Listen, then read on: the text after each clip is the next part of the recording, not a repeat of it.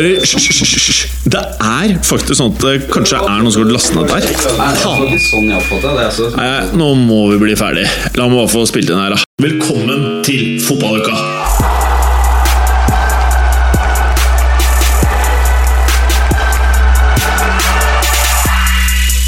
Fotballuka leveres av Green Duck, adblocker for iPhone og iPad.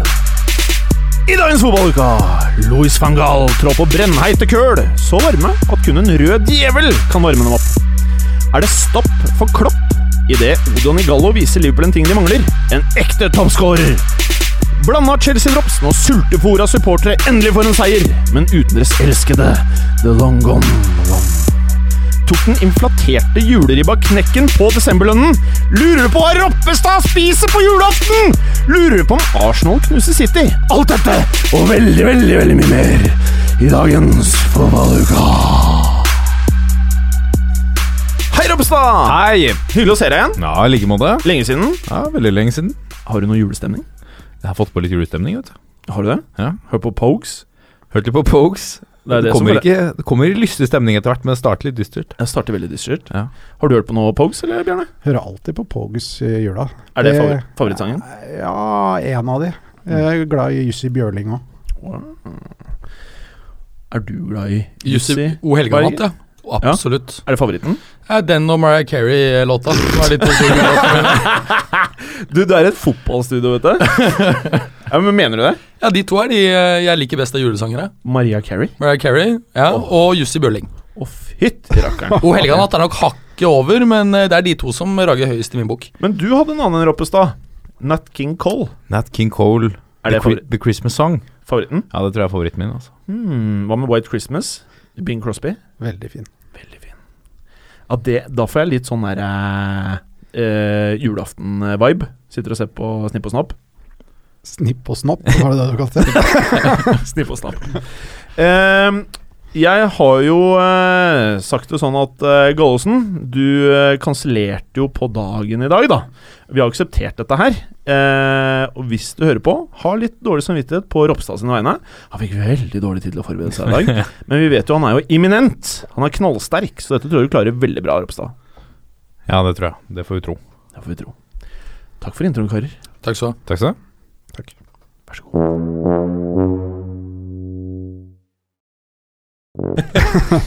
Nå er vi live, karer.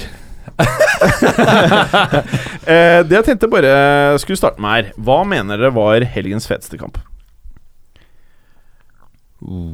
Chelsea? Nei. Nei, det Ja, men bare fordi det var så eh, syk forskjell på hvordan de var for etter Mourinho? Det kan vi kanskje diskutere litt, men jeg vil kanskje si at uh, ja, Everton-Leicester var en brukbar match. mm. Mm, Everton Leicester var en bra match. veldig bra. Mm. Men skal vi starte med det som eh, på en måte blir rundens kamp, og det er Chelsea-kampen, bare fordi at uh, det er så merksnodig Mm. at eh, de fungerte så dårlig under Mourinho, og så plutselig ser det ut som et uh, veldig forfrisket lag i Roppestad. Ja, det ser ut som de har senket skuldrene. Nå har jo Mourinho de siste ukene utbasunert mot både den ene og den andre dommere, spillere i media, så jeg tør ikke engang tenke på hva han har sagt inni garderoben og til spillerne. Det ser ut som de slapper av. Det ser ut som at de, de tør å spille eh, på den måten vi har sett Vi så det i fjor, vi har sett det før. At Til og med mer. Ivanovic så ok Til og med. Ivanovic var i form. Ja. Ja. Jeg, jeg, følte, jeg tenkte liksom før kampen Det blir litt sånn eh, catch eh, 22 for, eh, for eh, Chelsea der. Fordi altså, skal de da gå ut på banen og plutselig spille veldig mye bedre, så vil jo de se litt, se litt dumme ut overfor supporterne. Mm. Og det fikk de jo også da høre med, eh, ganske tidlig. Det, det var jo masse bannere med José sitt eh, navn, og det ble jo sunget bl.a. 'Where were you when we were shit?' Ja. av supporterne, og så var det jo mye bannere med stygge ord til en del av spillerne, og bl.a. Uh, Hazard, uh, Fabregas og Costa var de som fikk gjennomgå mest.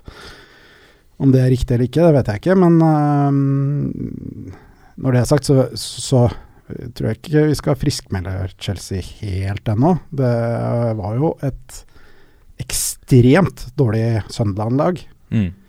Selv om vår favoritt Borini endelig løp en ball i mål. Ja, Men, men jeg tenker på at det er ikke så veldig overraskende.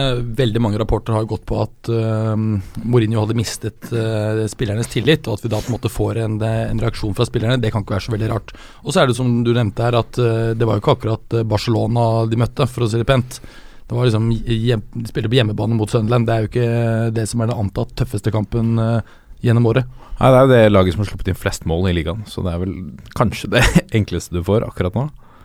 Uh, Absolutt. Men, men, jeg synes det var veldig, det var veldig Vi snakker litt om den syngingen og, og de rantsa. Det er veldig spesielt at uh, når, selv når Chelsea leder 3-0, så er det altså tilløp til buing på enkelte spillere. Det er fortsatt Mourinho-sangen som går.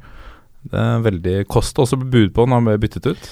Ja, og jeg hørte det at uh, han Etter kampen så skulle jo Hiddink og, og Drogba og Abramovic inn i garderoben. Mm.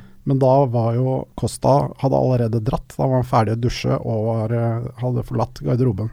Så han er åpenbart ikke helt fornøyd med situasjonen sånn som var. Nei. Ja. Atletico Madrid next? Nei, jeg tror kanskje ikke det.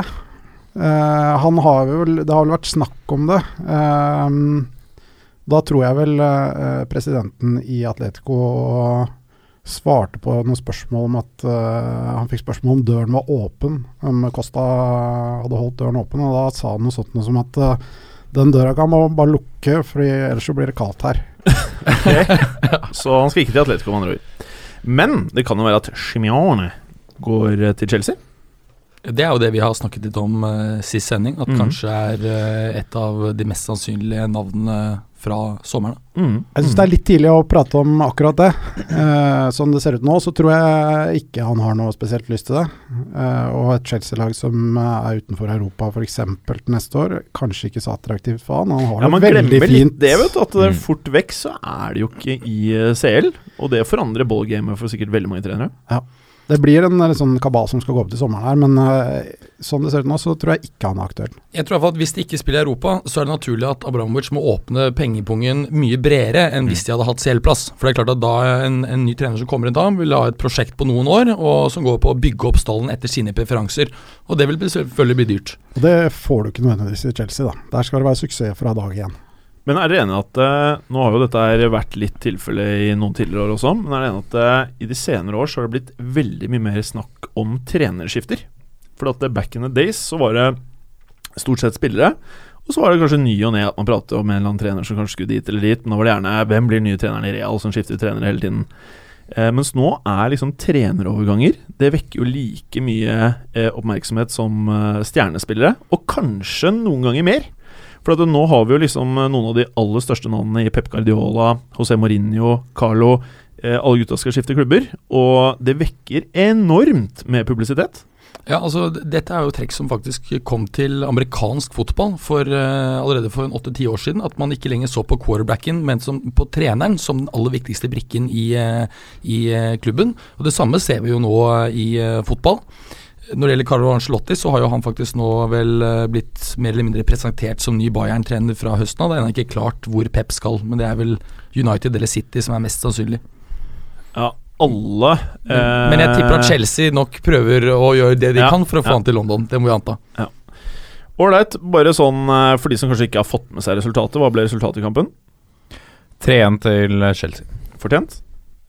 Ja, det vil jeg si. Altså Fortjent. Det, uh, Sunderland åpna opp for dem, og det var uh, et Sunderland-lag som har sett uh, ganske mye bedre defensivt i det siste, men det var tilbake til gamle synder nå. Og den back- eller forsvarstreeren med Coates, Kabul og O'Shay, ser jo helt sjanseløs ut. Begynner Alerdici å miste Dichin? Nei, jeg tror at han kommer til å, å lede Sunderland til, eh, til, fortsatt Premier League-spill, faktisk. Nå er det klart at det blir interessant å se hva de foretar seg på, um, på overgangsmarkedet. De linkes jo til en hel drøss forsvarsspillere. Uh, for øvrig så vil jeg lyst til å si en liten ting om uh, Ivanovic. Greit nok, han, han skåret mål, og det er som han bedre fremover, men jeg syns at han var virker ganske rusten defensivt i annen omgang. Så å friskmelde han helt, det vet jeg ikke om vi skal si. Men Terry syns jeg var virke tilbake til uh, i godt gammelt slag, altså rett og slett. Mm. Det var interessant å se. Vi har et eh, enormt program vi skal gjennom i dag, i og med at vi slår sammen eh, mandagssendingen og torsdagssendingen til ett. for vi tenkte at vi kanskje skulle ta oss fri på julaften. Eh, så derfor så tror jeg vi bare går videre. Eh, og det som eh, Vi må jo være enige om det her, Allemann, at Everton Lester var kanonunderholdende. Eh, og stort sett alt som eh, dreier seg om eh, Leicester, er jo underholdende, ikke sant, Ropstad? Ja, det var en veldig morsom match. Det er veldig gøy å se på Leicester om dagen. Det er ikke de som dominerer kampene 100% hele tiden, og det har de ikke gjort, har de ikke gjort i år. Men det er vi, vi har snakket tidligere om denne rekken. Nå er det, nå er det testperioden til, til Leicester. Du hadde United, Chelsea, Everton, Liverpool og City. Så er det Swansea inni der, som også vel ikke er den like store prøvelsen. Men nå står de med, med syv poeng etter å ha unnagjort United, Chelsea og Everton. Uh, det er ganske decent. Ganske decent. Uh, det er også, denne kampen også hadde jo ligaens tre heteste spillere i Wardy, uh, Mares og Lukaku. Uh, Lukaku eh, Men bare, bare å spørre dere. Eh, jeg føler sånn sakte, men sikkert så Mm. begynner Lukaku å snike seg inn på den Ja, ja. rekorden Ja, ja. Og så prater man ikke helt om det, men eh, det tikker jo inn skåringer her, da. ja, åttende kampen på rad nå. Ja. Så Tror du begynner sitter og har noia nå, eller? Det har vært fantastisk med to sånne rekorder på en sesong. Helt vilt. Men da syns jeg litt synd på Wardy, ass. Det blir jo ikke Han har fått eh, limelight, altså, men eh, det er kanskje litt kjipt. Står i et par måneder, liksom. Ja, for Lukaku har fått sin uh, Han har fått sin shine nå i flere år. Mhm. Wardy er uh, først i året han virkelig har eh, blomstret opp. Mm -hmm. Men S- Samtidig så er det, jo, er det jo Lukaku som er fremtidens mann, og jeg mener at vi har fortsatt ikke i nærheten av å se virkelig hans makspotensial. Jeg tror han kan bli en av verdens tre beste spisser, rett og slett. Men Så- Men det er hvis han går til Juventus. Men Nei, kan- han kan faktisk bli så bra i, eh, i Everton også, tror jeg. Men kan det være at uh, det er tilfeldigheter at han plutselig tar et steg oppover idet han får Mino Reola som eh, agent? Er det tilfeldig? Ja. Ja, jeg tror det er tilfeldig, altså. Fordi rapportene har jo gått på at han jobber veldig systematisk. Mm. Men det har han jo gjort tidligere. Jo, og i fjor så han ikke bra bra han er ut. ung, da. Ja, han er ung, ikke sant? Og når du jobber systematisk da, over tid, så sier det seg selv at da kommer disse stegene i rykk og napp. Og så har du noen døre perioder hvor det, hvor det ikke på en måte er eh, så kraftig fremgang. Ok, jeg skal prøve å selge inn et argument her. Det, har jo alle lest Zlatan-boka? Mm. Eh, I hvert fall, da. Den måten han pratet til Zlatan på når han var eh, rebell og bare satt og spilte PlayStation i Ajax eh, Når han liksom sa at eh, ok, eh, du kan enten bli en av verdens beste, eller så kan du fortsette å drive og surre rundt på gutterommet og være en decent spiller, liksom. Og så begynte de å krangle masse, og så endte det med at han eh, begge skjønte at begge var alfamales, og så eh, begynte han å høre på Eller Zlatan begynte å høre på Mino. Og så tok han gradvis stegene. Og Zlatan har sagt det flere ganger, at eh, det at han var så ekstremt ærlig, og tidvis kanskje også litt gæren Bare hvordan han var marsjert inn i, på kontoret til Inter-sjefen og bare slang beina oppå eh, desken hans. Og idet han kom inn, så bare satt han med en av sigarene hans og sa at er du keen på Zlatan, så må du betale. Eh, og jeg tror faktisk at det er en sånn type fyr som av og til må til eh, for å kanskje løfte talenter opp til det helt store nivået. Det er ikke nødvendigvis alltid at klubben gir alt det spillerne trenger.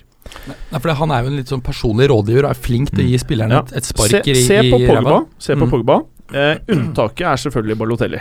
Der har gått eh, Men, men det, det tror jeg ikke hadde hatt noe å si uansett hvem det var. Jeg tror ikke Jørgen Mendes hadde gjort noe bedre eller dårligere jobb. Eller jeg, jeg tror bare at han er det han er, da. Så jeg, jeg mener faktisk at Mino Reola, på tross av at alle klubbpresidenter syns det er eh, angivelig et helvete å ha med å gjøre med han, så tror jeg at han er ekstremt flink til å bygge opp eh, klientene sine. Så det du sier da, at det er, fotballspillere er jo bortskjemte drittunger som trenger noen som holder dem litt i øra. Det er liksom Ja. the basics her, da, for det er Ja. ikke alle som klarer det selv. Og før var det nok med treneren. Nå må det en, eh, en eh, agent til i tillegg. Ja. Det skader i hvert fall ikke. Nei. Eh, Skal vi ta resultatet? Ja. Eh, Leicester vant eh, 3-2. Eh, to skåringer av Mares på, på straffe. Leicester har nå putta syv mål på straffe i år. Det er og mest hvor i ligaen. vakker er ikke Riyad Mares? Uh, skåringene eller mannen? Begge. Ja, det var Jeg føler han er straffe- den nye Graziano Pelle. Syns sveisen sitter ganske tight, altså, ute på vingen der. Det er ikke noe tilfeldigheter før han går ut på banen, tror jeg. Det er litt sånn som deg der oppe. Stad. Ingen tilfeldighet med den sveisen der. Syvende divisjon. Kom og se. Kom og se. um, Lukaku utligner uh, første skåringa til Mares til 1-1. Um, før Mares igjen sender de ledelsen på ny straffe. Der er det Wardy som blir uh, felt av Howard.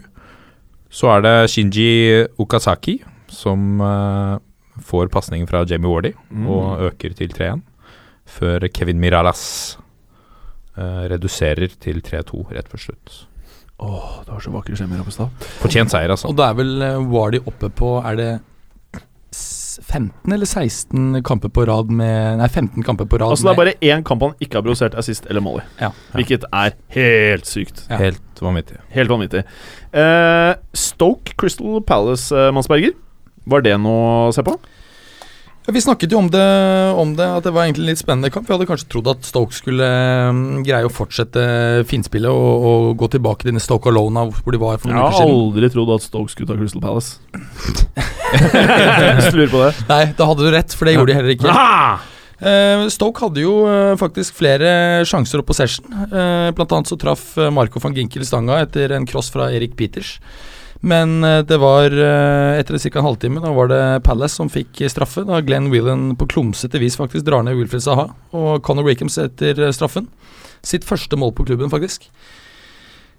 Stoke presset på etter pause, og, og 14 minutter før slutt så får de også straffe etter hens av Damon Delaney. Bojan setter straffen. Men uh, Palace, sexy Crystal Palace som du kaller det, Mim, de uh, tar alle tre poengene, og uh, Lee setter uh, 2-1-resultatet eh, ikke så lenge før slutt. Så de er jo nå red hot og ligger vel på 29 poeng. Ja, Helt fantastisk uh, scoring, da. Mm. Det var det Altså, jeg syns Stoke var best, og i den grad man kan si at noen Ikke like sexy. Fortjent, eh, De var nok litt mer sexy enn eh, Palace i den kampen her, men eh, det måtte en sånn scoring til for å avgjøre, og det er nesten sånne mål du må ha for å score på Butland om uh, dagen òg. Ja, han er vill. Han er helt vill. Eh, men det var vel noe vilt over Spurs, som eh, klarte å kaste seg inn i, eh, til en seier igjen.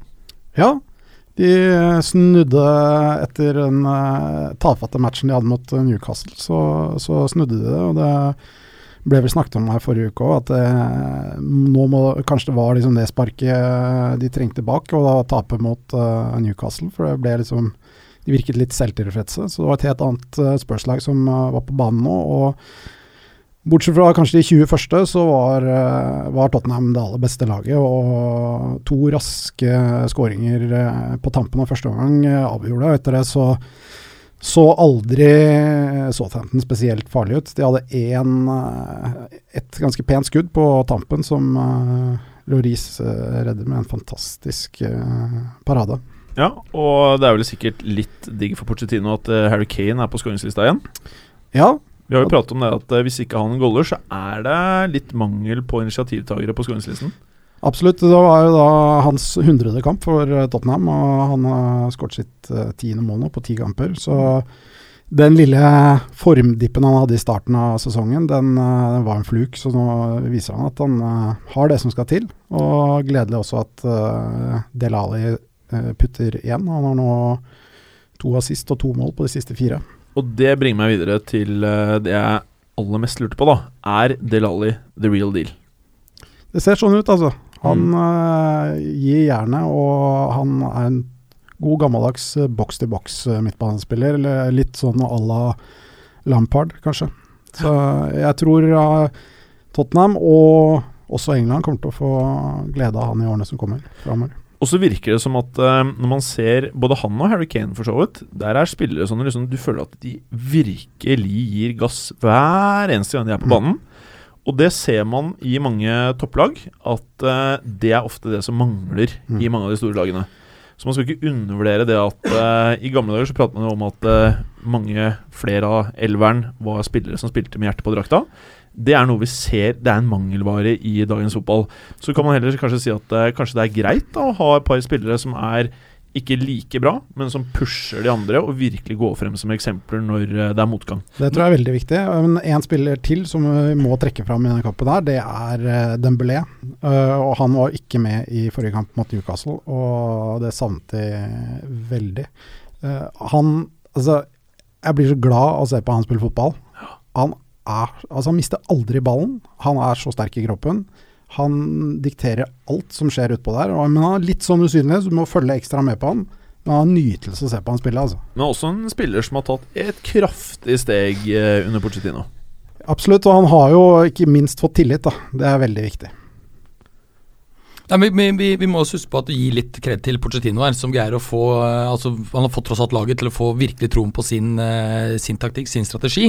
Og eh, alle sammen spiller med høy intensitet. I fjor virket det ikke som de på en måte hadde virkelig så troen på den veien han ønsket å gå, men det viste jo store deler av laget nå at de virkelig har. Og de virker som en, en, en Altså, de spiller enhetlig og, og som et lag.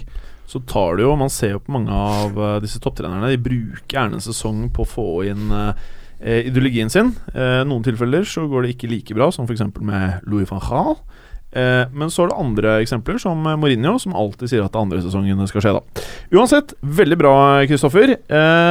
Det jeg da tenkte vi skulle se litt nærmere på, var da Newcastle Aston Villa, herr Roppestad. Newcastle Aston Villa 1-1. Remi Gard han venter fortsatt han på sin første seier med, med Villa. det blir spennende å se hvor lang tid dette er. Um, Villa ser uh, så ut som totalt blottet for selvtillit i, i første omgang. Newcastle har, har denne matchen. Altså, Eh, Preben har calla det fra første stund at det er den klareste nedrykkskandidaten i år. Mm. Mm. Og Villa eller uh, Magpies? Ja. Uh, altså, kampen her blir litt ødelagt. Det var veldig mye regn i Tyneside. Um, og uh, det er Newcastle som tok ledelsen, 1-0, rett før pause. Colocini, banens bestemann. Mhm. Um, corner som ruller videre til han, som han, uh, han, han setter inn sitt første mål for, uh, for året. Og så er det, av det jeg mener, for de som ikke har sett den, rundens uh, definitive beste scoring. 1-1 ved Jordan Ayew. På vei ut av feltet, snur seg 180 grader og skyter i steget i borterkryss. Altså, den er eh, ikke bare et, altså, Skuddet hadde vært fint nok om han bare hadde stått rett opp og ned og skutt men han snur seg 180 grader og beiner den i krysset. Vanvittig scoring. Veldig, veldig bra. Verdt å sjekke ut. Mhm. Noe mer vi skal ta for oss uh, rundt dette oppgjøret? Altså, Newcastle er litt på vei, uh, på vei i hvert fall. De tar musesteg uh, fremover. Stig McLaren ser litt mindre rød ut enn en han har gjort i det siste. Ja. Eh, nå har de tatt uh, syv poeng på de tre siste, så de uh... Men Sti- Steve McLean, når man ser han på sidelinjen, så er det sånn du, du, Han er som en sånn trist valp som bare vet at uansett hva han gjør, så blir det egentlig aldri helt bra. Det er greit. Det Han var greit. veldig trist nå også, når Ayu utlignet, og de bommet på et par fete målsjanser. Så han så litt trist ut mot slutten. Sa du hvordan dette endte? 1-1, sa jeg. 1-1. Ja. Veldig bra. Eh, Berger, Manchester United eh, Norwich. Det var eh, for noen år siden, kanskje nøyaktig fire år siden, så har jeg sagt at det hadde vært en bombe av et resultat. Men nå så er det litt sånn Av og til så føler man at det ligger litt i kortene, eller? Ja, altså for, for, for noen år tilbake hadde det vært en virkelig bombe. Vi snakket om dette i, i studio sist, og jeg trodde faktisk at vi skulle få en reaksjon av Manchester United der. Det gjorde vi ikke, på tross av at Rooney spilte sin 500. kamp for, for United. Fikk en reaksjon, kan du si. det var, men det var ikke en reaksjon i riktig retning for Nei, United. Det var ikke den du spådde? Nei, uh, United dominerte jo tidlig i kampen, bl.a. med et skudd fra Memphis uh, Depay. Som Hva kalte han, seg da? Memphis. Ja, det var ikke det du sa. Du sa Memphis. Gjorde- Ja, fortsett du, Ja, fortsett men du. han fortjener kanskje det, for han har ikke han levert sånn som vi hadde Han trodd. fløytemannen. Nei, vannflettemannen. Men han har masse potensial, da. Han har masse potensial, og jeg tipper han kommer til å komme seg, men han trenger kanskje en annen trener, i likhet med mange andre United-spillere. Ja. Men han har fått skudd er det realistisk at uh, José Mourinho tar over, eller? Jeg syns faktisk det er veldig interessant. Jeg tenker jo at uh, kanskje det er mer realistisk hvis de sparker van Hal nå. Er det ikke da mer logisk å gi Giggs på en måte en, en litt sånn uforpliktende ut sesongen? Da kan man evaluere han. Men det har han, han hatt presterer. en gang før, vet du. Han fikk Ja, ikke de- ut sesongen, han fikk noen kamper. Ja, men det gikk ikke så gærent, da. Nei. Altså, du så Det gikk du greit. Ja, men du så litt det samme reaksjonen som kom da det var etter Moyes. United hadde spilt dårlig, dårlig form, dårlig fotball. Så kom Giggs inn og sa at nå skal vi spille på United-måten, uh, og det gikk decent. Altså, fotballen var bra. Um, Ja. Og det var Men- dessuten veldig få kamper. Det var snakk om noen ytterst få kamper på Ja. tampen av sesongen. Ja. Og eh, klart at får Giggs sjansen ut her, så får du teste Giggs litt mer, men uten at det er for mye press på hans skuldre. Derfor kan det være en helt riktig strategi å sparke van Hall. Fordi verre enn det det er nå, kan det jo knapt bli. Men det er veldig interessant nå å se, for jeg, jeg er litt enig i det at man skal gi Giggs en mulighet. Men kan man gi Giggs en mulighet dersom Mourinho er ledig nå, og ikke er ledig om to måneder? Jeg tror det er litt sånn dilemma. Så vet jeg ikke om Mourinho kanskje har gjort seg usmakelig for United-styret Det var jo den siste angivelig grunnen til at han ikke fikk jobben når han, gikk, når han var ferdig i Real. Ja. At de syntes at eh, personligheten hans eh, var en mismatch med eh, Manchester United-ideologien. Men da tenker jo jeg valgte du van ja, det er jeg litt spesielt å gå for uh, van Hall eh, hvis du syns at Mourinho eh, blir for mye, da. Men Eh, ja. jeg fant et, eh, jeg fant et eh, lite klipp her fra da van Gaal fikk sparken i Bayern eh, fra Uli Hønes. Ja. Som eh, Etter han hadde fått sparken, så kom det en uh, uttalelse der eh, som sa Football should be enjoyable. But there has been nothing enjoyable about football at FC Bayern for a while now. And to say that uh, he had the players behind him was a myth. Problems were created which were totally unnecessary and which have ripped the club to pieces. Åh, Det er vel uh, det var tungt. kan er vel en hard attest, altså. Du kan vel si nøyaktig det samme nå, kan du ikke det? Ringte Jo. ikke eh, Woodward til Bayern for å spørre hvordan det gikk? Før de ansatte han? Han hadde Eh, ikke nevnt Bayern som referanse på CV-en. Men, men, men det som antagelig gjorde at han ble hot igjen, var jo fordi han gjorde det sterkt med Nederland. Og Ja. der virket alt som på en måte var veldig hyggelig, og de spilte jo bra fotball. og så high five han med van Persie etter en Ja, scoring. Og det likte alle, og tror jeg Woodward bare digga han. Yes. Ja. Så det var det som gjorde at han på det greide å slette alt. Altså Det var vel ikke noe happy days da han forsvant fra Barcelona i sin tid heller. Nei, nei. Det Så- har aldri vært happy days når han har slutta. Nei. Men, Men- uh, det vi da egentlig eh, må innom, da, det er at eh, på torsdagsepisoden vår så pratet vi om hvem som kom til å ende høyest på tabellen av Manchester United og Chelsea. Og Hvis jeg ikke husker helt feil, så skjelte det av 14 poeng når vi pratet sammen sist. Nå skjeller det kun 11 poeng. Og jeg minner om at det er ganske mange kamper igjen. Og uh, Mads Berger, jeg mener fremdeles at det er realistisk at Chelsea havner over Manchester United. Selv om eh, det blir jo spennende å se hva som skjer i januarvinduet. Står du fortsatt på ditt? Jeg står fortsatt på ditt. det er ikke realistisk. Ikke realistisk? At Chelsea havner er bare 11 over poeng. Manchester United? Nei, Ja. det er ikke realistisk. Ok, ja, da får vi prates, da. eh, eh, Watford-Liverpool, Kristoffer. Ja, Dette her var jo også noe som eh, for en, kanskje litt mer enn fire år tilbake var, hadde vært et eh, sjokkresultat. Eh, kanskje ikke nå? Nei, altså vi har jo pratet om at eh, Liverpool har vært ganske dårlig på hjemmebane. Uh, tenker vi kanskje ja, bortebanen mot Watford det kan passe brukbart. Eh, men etter tre minutter så er egentlig kampen over for Liverpool sin del. Eh, Adam Bogdan, eh, vikarkeeper, eh, fomler, eh, fomler et innlegg. Riktignok så plukker han opp igjen, og Nathan Ake sparker vel ballen mer eller mindre ut av hendene hans. Og det er 1-0. Eh, og så er det Watford resten av matchen, egentlig. Liverpool har ingenting å by på. To, to skåringer av vår mann Igalo, som gjør at det ender 3-0. Eh, Den mest informed strikeren i ligaen eller? ja. Og, Det Helt sykt, da. Mm. og det er, det er igjen, altså eh, Leicester og Watford eh, som da kjører en eh, god gammeldags 4-4-2. Som rett og slett ser ut til å mose eh, 4-2-3-1-taktikken. Og det er ikke, nå er ikke dette 4-4-2 av gamleskolen, hvor du på en måte står høyt i banen og sånn. Dette er 4-4-2 som ligger kompakt på egen banehalvdel, med to spisser som jobber knallhardt. Eh, og det virker nesten som det er oppskriften på å ta den uh, trendtaktikken, altså. Ja. det, det, alle sånne fotballhipster-uttalelser om dagen er at den eh, 4-2-3-1-greia, eller 4-5-1 som det effektivt egentlig er, da, at det er litt old school nå. Det er litt eh, eh, det Mourinho også har spilt på en periode nå, og at det kanskje er liksom Det er ganske mye annet som fungerer veldig mye bedre i dagens fotball enn Altså, eh, akkurat det, da. Akkurat det med Frode Mourinho, han har faktisk brukt den helt, helt uh, utelukkende, basically, siden uh, dagene i eh, Porto brukte han faktisk litt 4-4-2, men etter det så har han brukt 4-2-3-1. Og han har ikke greid å fornye seg taktisk, og det er jo litt av problemet hans, tror jeg, da. I tillegg til disse tingene at den tredje sesongen hvor han sliter ut spillerne. Men det som er litt artig, er at denne 4-2-3-1, eller altså dette med å ha fire ledd, da, den ble jo egentlig skapt for å hamle opp med 4-4-2, fordi du har jo I en klassisk 4-4-2 så er det ganske stort rom mellom midtbanen og forsvaret.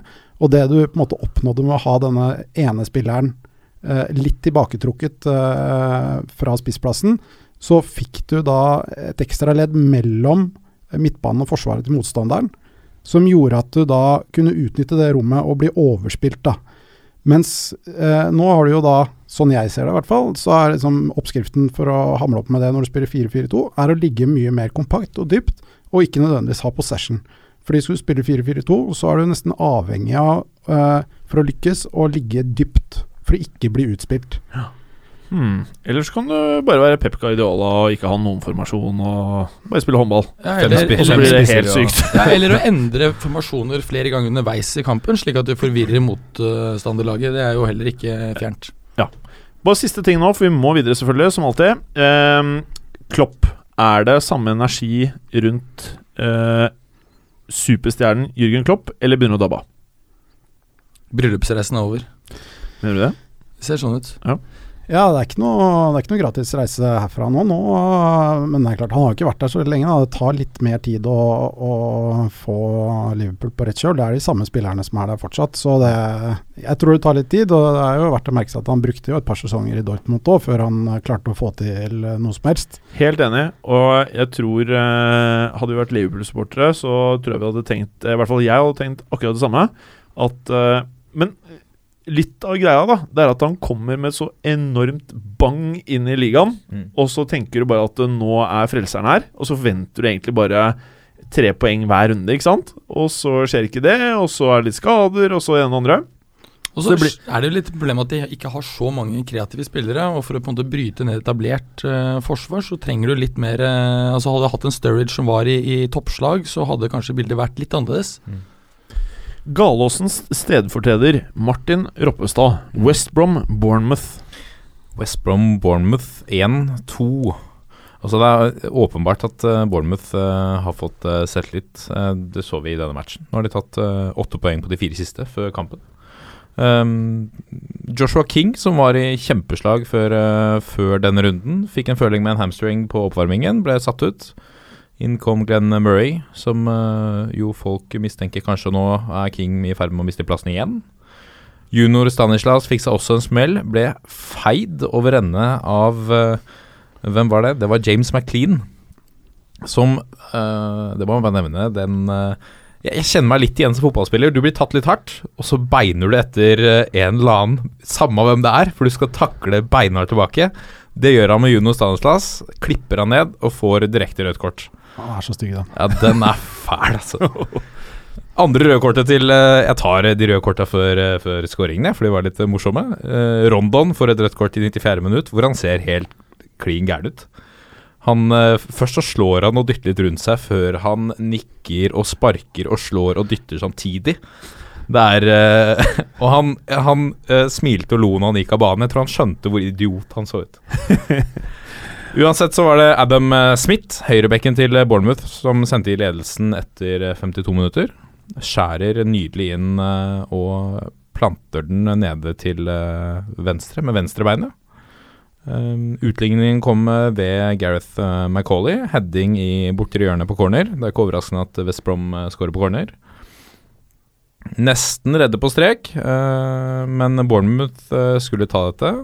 Charlie Daniels, eh, det er Bournemouth eh, sin bestemann, uh, Gosling, som blir klippet av eh, Darren Fletcher. Den var på utsiden av 16-meteren, men dommeren dømmer straffe. Og så er det Daniels som setter inn eh, straffen. Bra. Dette er, dette er for øvrig begge spillerne er to Tottenham rejects som har måttet gå den tunge veien og nå faktisk ser veldig bra ut i Mm. Premier League. Veldig. Så det går an å ta den eh, veien nå. Mm. Det glemmer man kanskje. Eh, Kristoffer. Swansøy. West Ham. Ja, Swansea med litt Altså med trykk på litt mer sting eh, enn de har hatt eh, tidligere. Eh, de så for eh, forholdsvis bra ut sist match òg. Jeg sa vel at eh, jeg syns de fortjente å få med seg poeng eh, mot eh, City. Men eh, de, er ikke, de er ikke helt direkte nok i spillet sitt. Det er veldig omstendelig og veldig mye possession og ikke så veldig mye som skjer. Eh, deres første clean sheet da, siden september. Eh, det er jo i hvert fall noe positivt. Ikke mye, men noe. Nei, og Westham er, er gode gamle Westham, de. Det er tredje 0-0 på rappen for de. Pent. Så ikke spesielt spennende. Et gult kort. Det var på en måte mest Det var kampen. Ja. Kampen var et gult kort. Eh, skal vi bare veldig kjapt Nå er det jo eh, kanskje det som eh, på papiret er eh, rundens kamp, altså Arsenal-Manchester City. Den starter om ikke så altfor lenge. Eh, veldig kort. Hvem tror du vinner, Ropstad? Jeg tror Arsenal tar det. Kristoffer? Jeg eh, tror City slår tilbake nå, etter å ha vært ganske dårlig på bortebane og skåret lite mål. Så tror jeg de kommer nå. Berger? Jeg tror det avhenger av uh, hvor kynisk uh, Wenger velger å være. Hvis han velger å være litt kynisk som han var mot uh, Bayern, så tror jeg de tar det. Hvis han prøver å være for breial, så tror jeg han får en på snuten. Så du mener at hvem vinner? Hvis Wenger er smart i dag, så vinner han. Det er ikke det som er spørsmålet. Hvem vinner? Arsenal. Arsenal. Greit, da er Arsenal som vinner. Og så til da kommende eh, Premier League-runde. Og dette her er jo noe vi vanligvis kjører på torsdagssendingen. Men som sagt, så tar vi alt på én gang. Og da er det jo eh, kanskje Vi må jo si at eh, ettersom Leicester leder Premier League, eh, om man kan si det sånn, mot Liverpool, så må jo det nesten bli rundens kamp, ikke sant, Ropstad? Jeg er helt enig. Det er uh, denne Leicester-testen som vi er midt inne i. Uh. Ordspill, veldig bra. Nest- Med radiostemmen. Nest siste store test for eh, 2015. Leicester nå, så er det City neste. Um, Ja, det er ganske heftig Hva var det du tok? Hva var det du slapp av i munnen der, eh, Bergeren? Det er noe om kamp, camphor. Har du blitt pensjonist, eller? Men eh, det er jo faktisk du som har tatt det med, Kristoffer. Ja, men han ser litt ut som en pensjonist. Du ser ut som uh, Litt- pensjonist. Litt kortklipt, var det du skulle under? kok- kortklipp. Ja. Du er ikke skada? Nei, og nå har jeg tatt bort disse svarte strekene i Ja, du så panna. at du sot- Ja, jeg sot- sotstøv så at i huet. var der, ja. Du er jo skuffa køl, du, på NSB. Helt riktig. Ja. Det var derfor jeg var for. Ja, derfor du kom for sent. Mm. Eh, men eh, du har gjort det til en greie, du, så for at du tar med en pose med noe snacks eh, hver eneste runde. Ja, det er hyggelig. Ja, Og nå valgte du gul kamfer. Det er noe de fleste av oss ikke har sett siden vi var kids. Nei, det er vel noe de fleste av oss ikke har sett siden vi var hjemme hos eh, en gammel eh, tante eh, sånn rundt juletider eh, på begynnelsen av 80-tallet. er det julegodis? Jeg vet ikke. Jeg- Kamfer. Jeg forbinder det bare med gamlehjem. Ja. Ja, men det er bra. Veldig bra. Skal, Tilbake til fotball, eller? ja, det, det kan vi godt. Veldig fint. Um, altså List, Leicester er jo uh, Lister? uh, Lister, Bra start. Lister Kamfer City. Uh, ligaens beste bortelag. Seks seire, uh, tre uavgjorte. Null tap på bortebane i år. Uh, Liverpool kun tre seire på siden åtte hjemme. Også interessant, vi har snakka mye om hvordan Leicester spiller sin fotball. Det er jo det laget i, i serien som putter flest mål på kontringer. Møter Liverpool, som er det laget som mister ballen mest. Så her kan vi Her uh, har vi en interessant uh, match i møte, tror jeg. Hvis Dette, det går, dette har vi uh, snakket om, at på en måte, den type lag er det vanskelig for Liverpool eh, og med Klopps eh, strategi å, å møte. og Spesielt når de på en måte ikke ennå har fått kjøpt inn spillere som passer strategien hans perfekt. Så lukter Mm. jo det her eh, en tøff kamp for Liverpool. Prøver du å si eh, Real Madrid-kopi 10-2, eller? Har du- sett highlightsene fra Real-kampen? Ja, ja, ja, jeg tror Bale hadde fire mål, to assist. Altså, de bare, de bare mista, liksom. De bare klikka. ja. Men eh, hvordan var det før uh, Rayo Vallecano fikk eh, to uh, spillere utvist, da? Det var buing på Benitez, buing på Perez, og de lå under 2-1. Var det ikke buing fortsatt på 10-2? Jo, jo. Alle var lei seg. Det var for lite mål. Jeg, jeg husker jeg var på, um, på Santiago Bernabeu sist. Det var uh, første perioden til Florentino Perez i Real. Uh, da spilte Beckham, Zidane, hele den gjengen der. Og da ledet Real 3-0 mot Deportivo la Coronia. Uh, og så satt jeg der med vår gode venn Ola. Eh, og så hørte vi bare plutselig Så hørte vi sånn «Uh, uh», Så tenkte vi hva er dette for noe, liksom? Eh, Spiller dritbra og scorer, og Beckham var by the way helt rå. Det var den sesongen han var kanskje Reals beste spiller. Ikke nødvendigvis fordi han var den beste fotballspilleren, men fordi han ga mest. Og stjernene var slitne, og de ville sove og kose seg og sole seg. Eh, og da kom de hvite eh, silketørklene frem. Og da var det ikke bra nok, da. For de siste fem minuttene så eh, spilte de ikke like offensivt som de første 85. Så det er et meget demanding eh, publikum. Og derfor så fremstår denne her sackingen av Carlo Ancelotti eh, hvor du får inn en fyr som er kjent for å spille kjip fotball. Mm. Den virker bare mer og mer nærme Altså, det er sinnssykt. Ja, det er helt sinnssykt. Hvem var det som var trener på den eh, under matchen? her? Det var ikke Luxemburgo. Var det han, Eh, husker du han? Ja, men var Han han, kjøpte feil spillere. ja, det, var, det, var, det var ikke han der Lopez Caro, Juan Ramón Lopez Nei, Caro, nei. han caretakeren som Nei. eh, nå trener Saudi-Arabia. Nei. Men skal vi tilbake til Premier League, eller? Ja, vi får gjøre det. Jeg tror, jeg tror for øvrig vi kan se bort ifra alt som gjelder av stats og, og sånn for den, eh, for den kampen her. I fjor på samme tidspunkt så lå Leicester på sisteplass, og nå ligger de på toppen. Ganske sykt. jeg tror, hvis jeg husker helt feil, at tilsvarende kamp for Leicester i fjor på Boxing Day var mot uh, Tottenham. Og da husker jeg vi satt og pratet om uh, Leicester, for de spilte veldig bra fotball.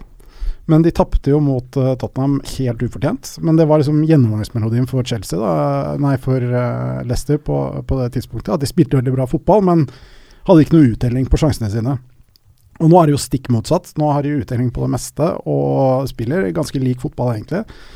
Så verden er snudd litt på hodet her, og Klopp skal få seg en eh, ganske grei eh, utfordring her. Altså, han må komme på noe lurt eh, og på julaften for å finne ut hvordan han skal knekke det, det Leicester-laget der. Eller litt Coutinho-magi. Vi har jo sett at Coutinho kan uppe gamet voldsomt i enkeltkamper, Mm. og faktisk vinne kampene alene for Liverpool når det stagnerer litt. Grann. Ja, og så er det jo ikke, det er ikke bare bare for Liverpool nå, for nå er jo altså Lovren er jo ute, og Skertel er vel eh, etter all sannsynlighet også ute. Og Sako hadde jo kanskje Det er nesten det dårligste jeg har sett av en eh, forsvarsspiller på Liverpool på jeg vet ikke, siden Kvarme var der. Eh, altså, det var helt på trynet. Men han, er jo, han har jo vært bra tidligere, nå har vært skada en stund, da, men uh, det kan, uh, det kan være en gavepakke for Wardy og Mares. Ja, Liverpool har en rekke skader, også Mignolet er ute. Og vi ser at han eh, Bogdan han er vel ikke akkurat noe uh,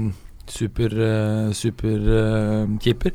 Men Vardi ble jo tatt av i det 87. minutt i forrige match.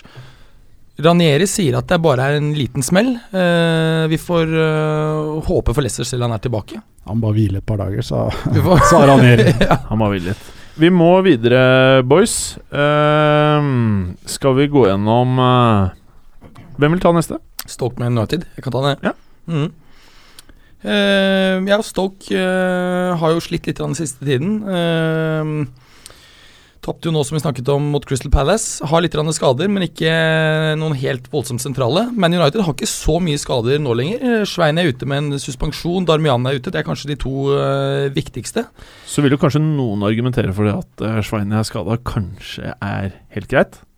Vil ja, noen si. Ja, noen har sagt det. Mm. Eh, Apropos veldig raskt om han. Hvorfor gikk ikke han til en litt tregere liga enn Fordi han tenkte bare at eh, det var like greit å gå til Premier League når han fikk 270 i uka, liksom. Ja, ja, ja, jeg tror kanskje det var det. Men rent sportslig så burde han gått til Italia eller Spania. Tror du han tenkte veldig sportslig? Nei, antagelig ikke. Han har vunnet alt. Vunnet VM, vunnet ligaer, vunnet Champions League. Du er keen på penger, eller? Ja, ok, mulig. Mulig. har Så du tenker tilbake til spørsmålet, du, Berge. Uh, nei, jeg mener han burde tenkt, satset tenkt sportslig. Han skulle hatt deg som agent. Nei, da hadde han endt i uh, der han er. ok. Anyway, um, Stoke har faktisk bare vunnet én av sine 14 eh, Premier League-møter mot United, så de har ikke noe bra track record uh, der i gården. Men eh, de har bare tapt én av de siste fire hjemmekamper mot United, så det er kanskje noe som taler for. United har en sterk track record på Boxing Day. Eh, vunnet 18 av sine 19 siste kamper. Det kan kanskje være fordi at uh, Hva sa du? Jeg sa nisten. Ja, du sa Ne- nesten. Det sa du òg, Berger. Eh, det, det kan være altså Boxing det, Kan det være litt sånn at de klubbene som har god kustus for spillerne, de gjør det systematisk bedre? For Hvis ikke så går spillerne gjerne på en sånn lett fyllekule første eh, juledag. Det er det jo mange som gjør i, i Norge. Mye gløgg med spriter. I, ikke sant? Litt sånn. Ikke bare det, men du har jo ofte en kamp to dager etterpå, så det er jo en uh, ganske tight schedule. Det Ja. knekker jo gutta. Jeg tror ikke det er så mye julebord uh, lenger i England rundt de tider, altså. Jeg tror det er ganske strengt. United Nei, men- hadde julebordet i begynnelsen av november. Men, men vet du at profesjonaliteten har jo gått mye raskere i de største klubbene. Mm. Uh, så jeg leste faktisk en artikkel på at de, de antatt svakeste klubbene De gjør det enda svakere uh, på Boxing og i, i den uh, ekstremt tette kampperioden. Mm. Sunderland skal ut første juledag, det trenger jeg ikke lure på. Antagelig helt riktig. Ok. Men anyway, eh, jeg trodde forrige gang at United kom til å slå tilbake, at vi kommer til å få en positiv reaksjon. Det tok jeg jo feil, men denne gangen så får jeg rett. De kommer til å vinne mot eh, Stoke. Hmm. Vi får se da, Bergeren. Bournemouth eh, sexy. Bournemouth eh, mot sexy Crystal Palace.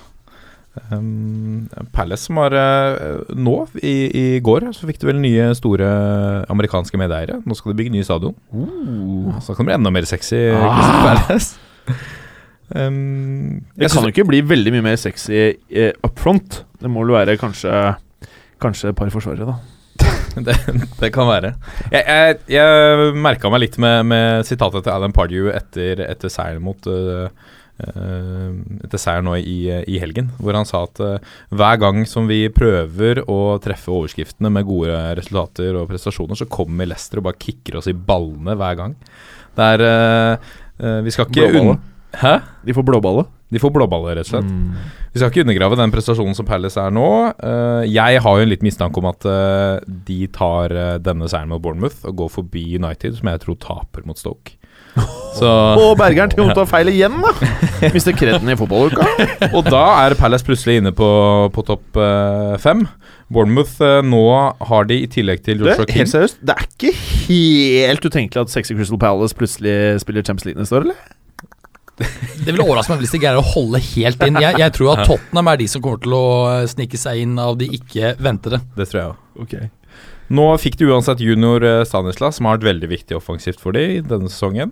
Nå er han også ute med en eh, liten skade. Usikkert om han er klar. Eh, Joshua King er mest sannsynlig ute, i tillegg til Wilson og Grade og de gutta der som er, Gradel, som er ute for lang, lang tid. Så um, jeg tror Palace tar dette. Og at de går forbi United, tror jeg faktisk. Hmm. Dette er ikke populært blant uh, United-fans, men Du er en United-fan, Ja. Så du, når det kommer fra deg, så må det være sant. Eh, ok, toppkampen, Kristoffer. Mm. Aston Villa Westham! Ja. Både Villa og Westham har unngått å skåre i tre av de fire eh, siste kampene mot hverandre. Men eh, Villa er jo på alle mulige måter et lag Westham bør slå. Men de har kun én seier på de siste åtte på Villa Park. Og det på en måte i kombinasjon med at uh, Westham har spilt tre 0-0-kamper på rad nå, eh, gjør at jeg ikke har tro på et kjempeoppgjør med mye kasser. Det blir som regel ikke så mye mål heller. Så jeg holder uh, uavgjort som en eh, knapp favoritt. Uh, men jeg har kanskje en liten tro på at Villa kan få sin andre seier for eh, sesongen her. Det er i hvert fall en eh, brukbar mulighet for dem. Jeg tror ingen er vedder imot deg, men kanskje Bergeren. Eh, Roppestad. Chelsea-Watford. Chelsea-Watford vil Mourinho-sangen fortsette inn eh, mot kampen mot eh, Watford. Spennende å se. Helt Når- til Igalo skårer hat trick, eller? Helt til Igallo skårer hat trick. Nå har han putta fem mål på de siste fire. Du, mannen er vill, altså. Han er vill, altså. Har dere sett uh, han har på Han moste på, jo Skertel. Har du sett uh, han har på Twitter, så har de jo kommet en egen, uh, egen side, eller hva man skal kalle det, som heter eh, The Igalo Scoop. Okay. Har du fått med deg hva Igalo Scoop er? Nei, kan ikke du fortelle oss det? Altså, han har en finte. Blant annet han legger, la Sako på, på ræva Ja, her. han, måte, han later som han skal spille ballen til høyre eller venstre, og så drar han med seg ballen andre veien. Det er, ser veldig enkelt ut, men han gjør det hele tiden. Og de eh, aller, aller fleste på går på det. Mm. Men, men hans, øh, hans utvikling har vært virkelig fantastisk. Altså Vi snakker om en mann som ble, fikk kontrakten terminert av Udinese, som ikke akkurat er et, en superklubb, for bare Ja, det er vel et drøyt års tid siden. Altså Han har virkelig tatt så vanvittige steg de siste 16-18 månedene at det er helt utrolig. Du prøver å si at han har blitt bedre? det er bra. Bra, Bergeren! Bra! Er det noe mer rundt eh, Chelsea-Watford, eller Ropstad? Nei, jeg, jeg, er veldig, jeg er veldig spent på hvor lenge denne Mourinho-hyllesten skal eh, fortsette. Jeg syns det er veldig, når vi har snakket om uh, Vi har snakket om trenere som, som får fyken, og, og fans som gleder seg over det. Det er veldig spesielt at en trener blir hyllet med sang i, Mm. i kampen etterpå. Det er, eh, det er ikke så ofte vi ser det. Nei. Men det interessante der er, det er jo det at uh, fansen faktisk legger uh, all skyld på spilleren og ikke Mm. på treneren. Det er jo helt, helt uh, unormalt. Sånn var det ikke sist han måtte gå. Nei. Og en av greiene, bare for å si litt om hvor mye Mourinho liker at fansen hyller han eh, Jeg tror det var i Benfica, når han var der før han ble most av sjefene sine. Så ville jo fansen synge Mourinho-sanger, men de nektet dem å synge eh, Mourinho-sanger på stadion. Mm. Sykt. Det, dette er jo en kamp hvor vi virkelig får testet eh, 4-2-3-1 mot eh, 4-4-2, da. Spennende. Mm. Da må du ta en liten roundup for oss, da, Bjarne. Mm. Eh, Man City, Sunderland, eh, Bergolini. Ja. City har jo fortsatt kompani ute, og det gjør at vi kan forvente Dette her blir jo mos, vel? Ja, det vil jeg absolutt tro. Uh, Eller er det Aladisci-effekten Nei, tilbake? den, den, den, uh, de, den fikk de da han kom, og de fikk jo to seire. Nå har de hatt tre strake tap. Selv om kompaniet er ute for City, du kan forvente at det blir eh, fortsatt potensielt litt rufsete bakover, så må vi kunne anta at, um, at City tar dette med ganske grei margin, så det vil jeg tro. Uh, ja. Bra.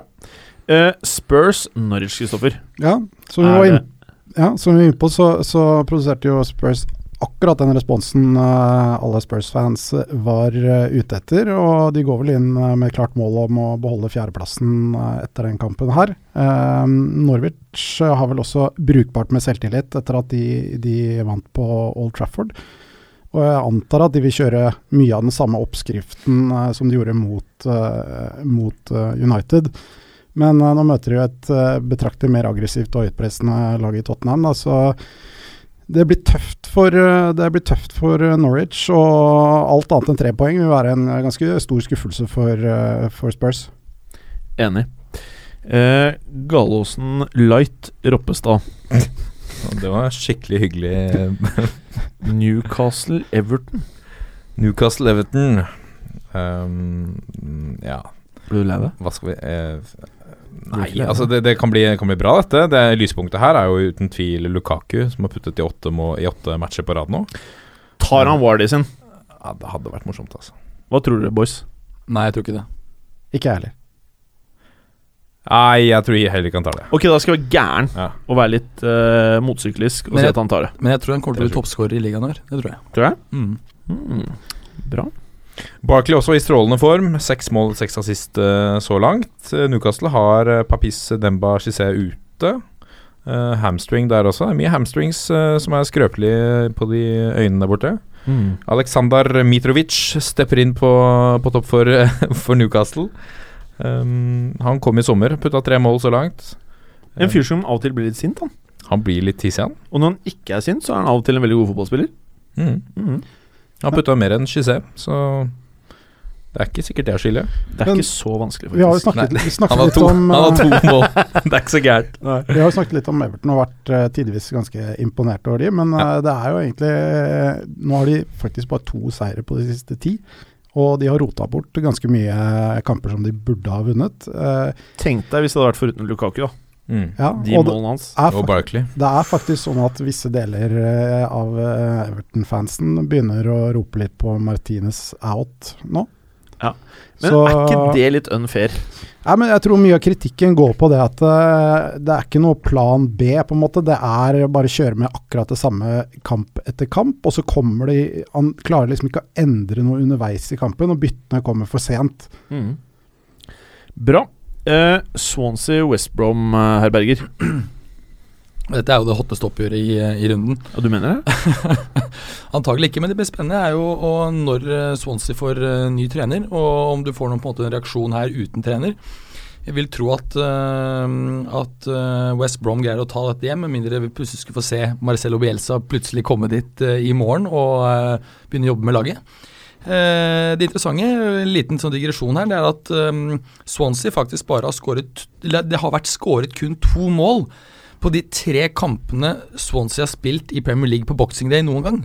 Så om det er fordi gutta går på fylla første, og så bare legger seg og Du er parkerer veldig på det her med fylla. Du tror at de er på skikkelig absintrus? ja, jeg, jeg, Det er Lester, det, som er på den nei, jeg, jeg tror at det her blir eh, West Brom-seier. og- Men det interessante er hvem egentlig som kommer til å ta over Swansea. Det er det som er det mest spennende, syns jeg, akkurat eh, her. Så det høres ut som du gleder deg veldig til kampen. Kristoffer, Southampton-Arsenal. Der Mm. føler jeg vi kan få et ganske kult oppgjør. Ja, både og. Altså, Arsenal står uten seier på bortebane mot Southampton siden 2003. Å, fy da. Eh, nå har de riktignok ikke vært oppe hele tiden, men uh, Koman har ekstremt mye rett på fra kampen mot, eh, mot Tottenham. eh, og om de skal få med seg noe poeng i denne kampen, her, så må det skje noe drastisk. eh, for de sliter både defensivt og offensivt nå. og Kanskje først og fremst må de rette opp i, i den defensive organiseringen inn mot kampen mot Arsenal. Ellers kan det bli fryktelig stygt. Jeg tror ikke de kan fortsette å spille på den måten de gjør nå, for det er de rett og slett ikke gode nok til. Så de må legge seg litt bakpå og satse på kontringer og håpe at Mané og, og Pelle finner tilbake til formen. Mané og ekstra Renati på Pelle. Takk skal du ha.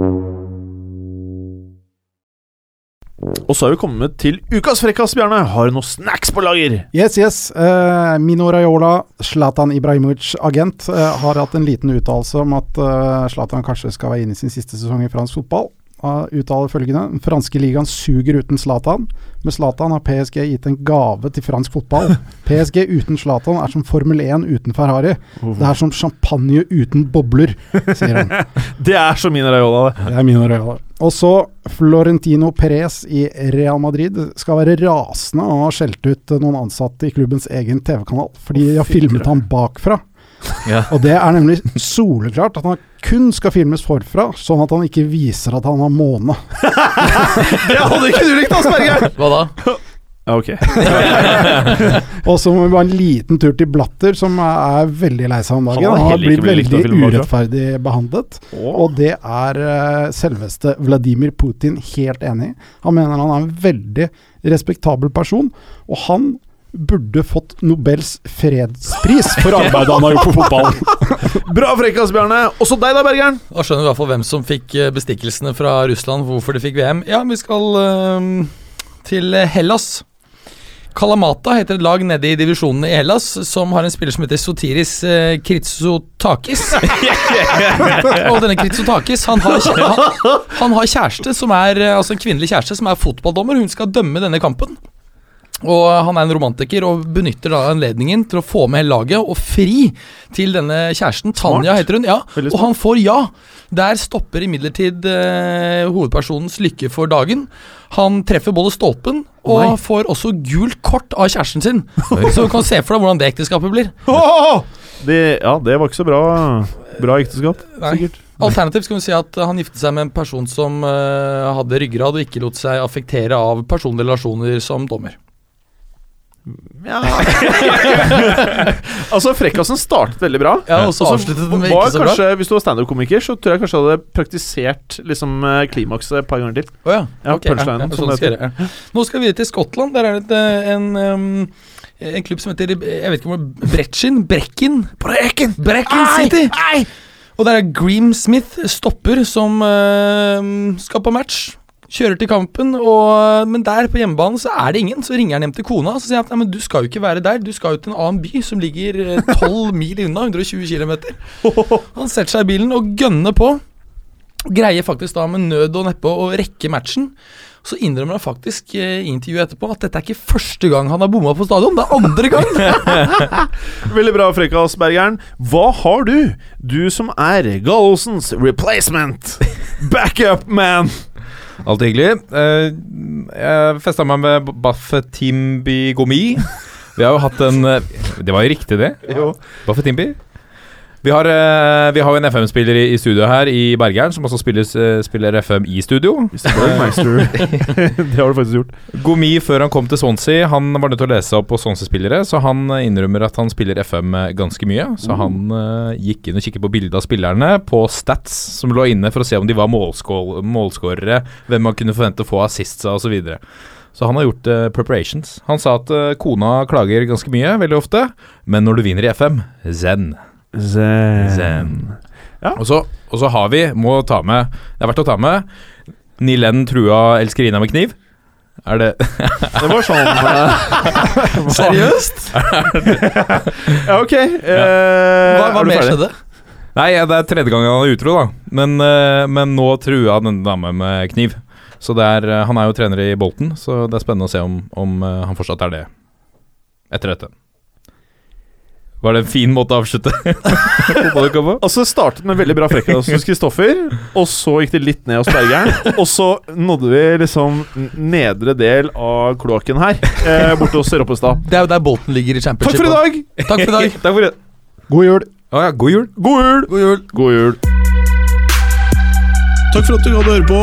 Vi er Fotballuka på Twitter, Facebook og Instagram. Følg oss gjerne. Men bare få høre. Den tror jeg blir litt fet.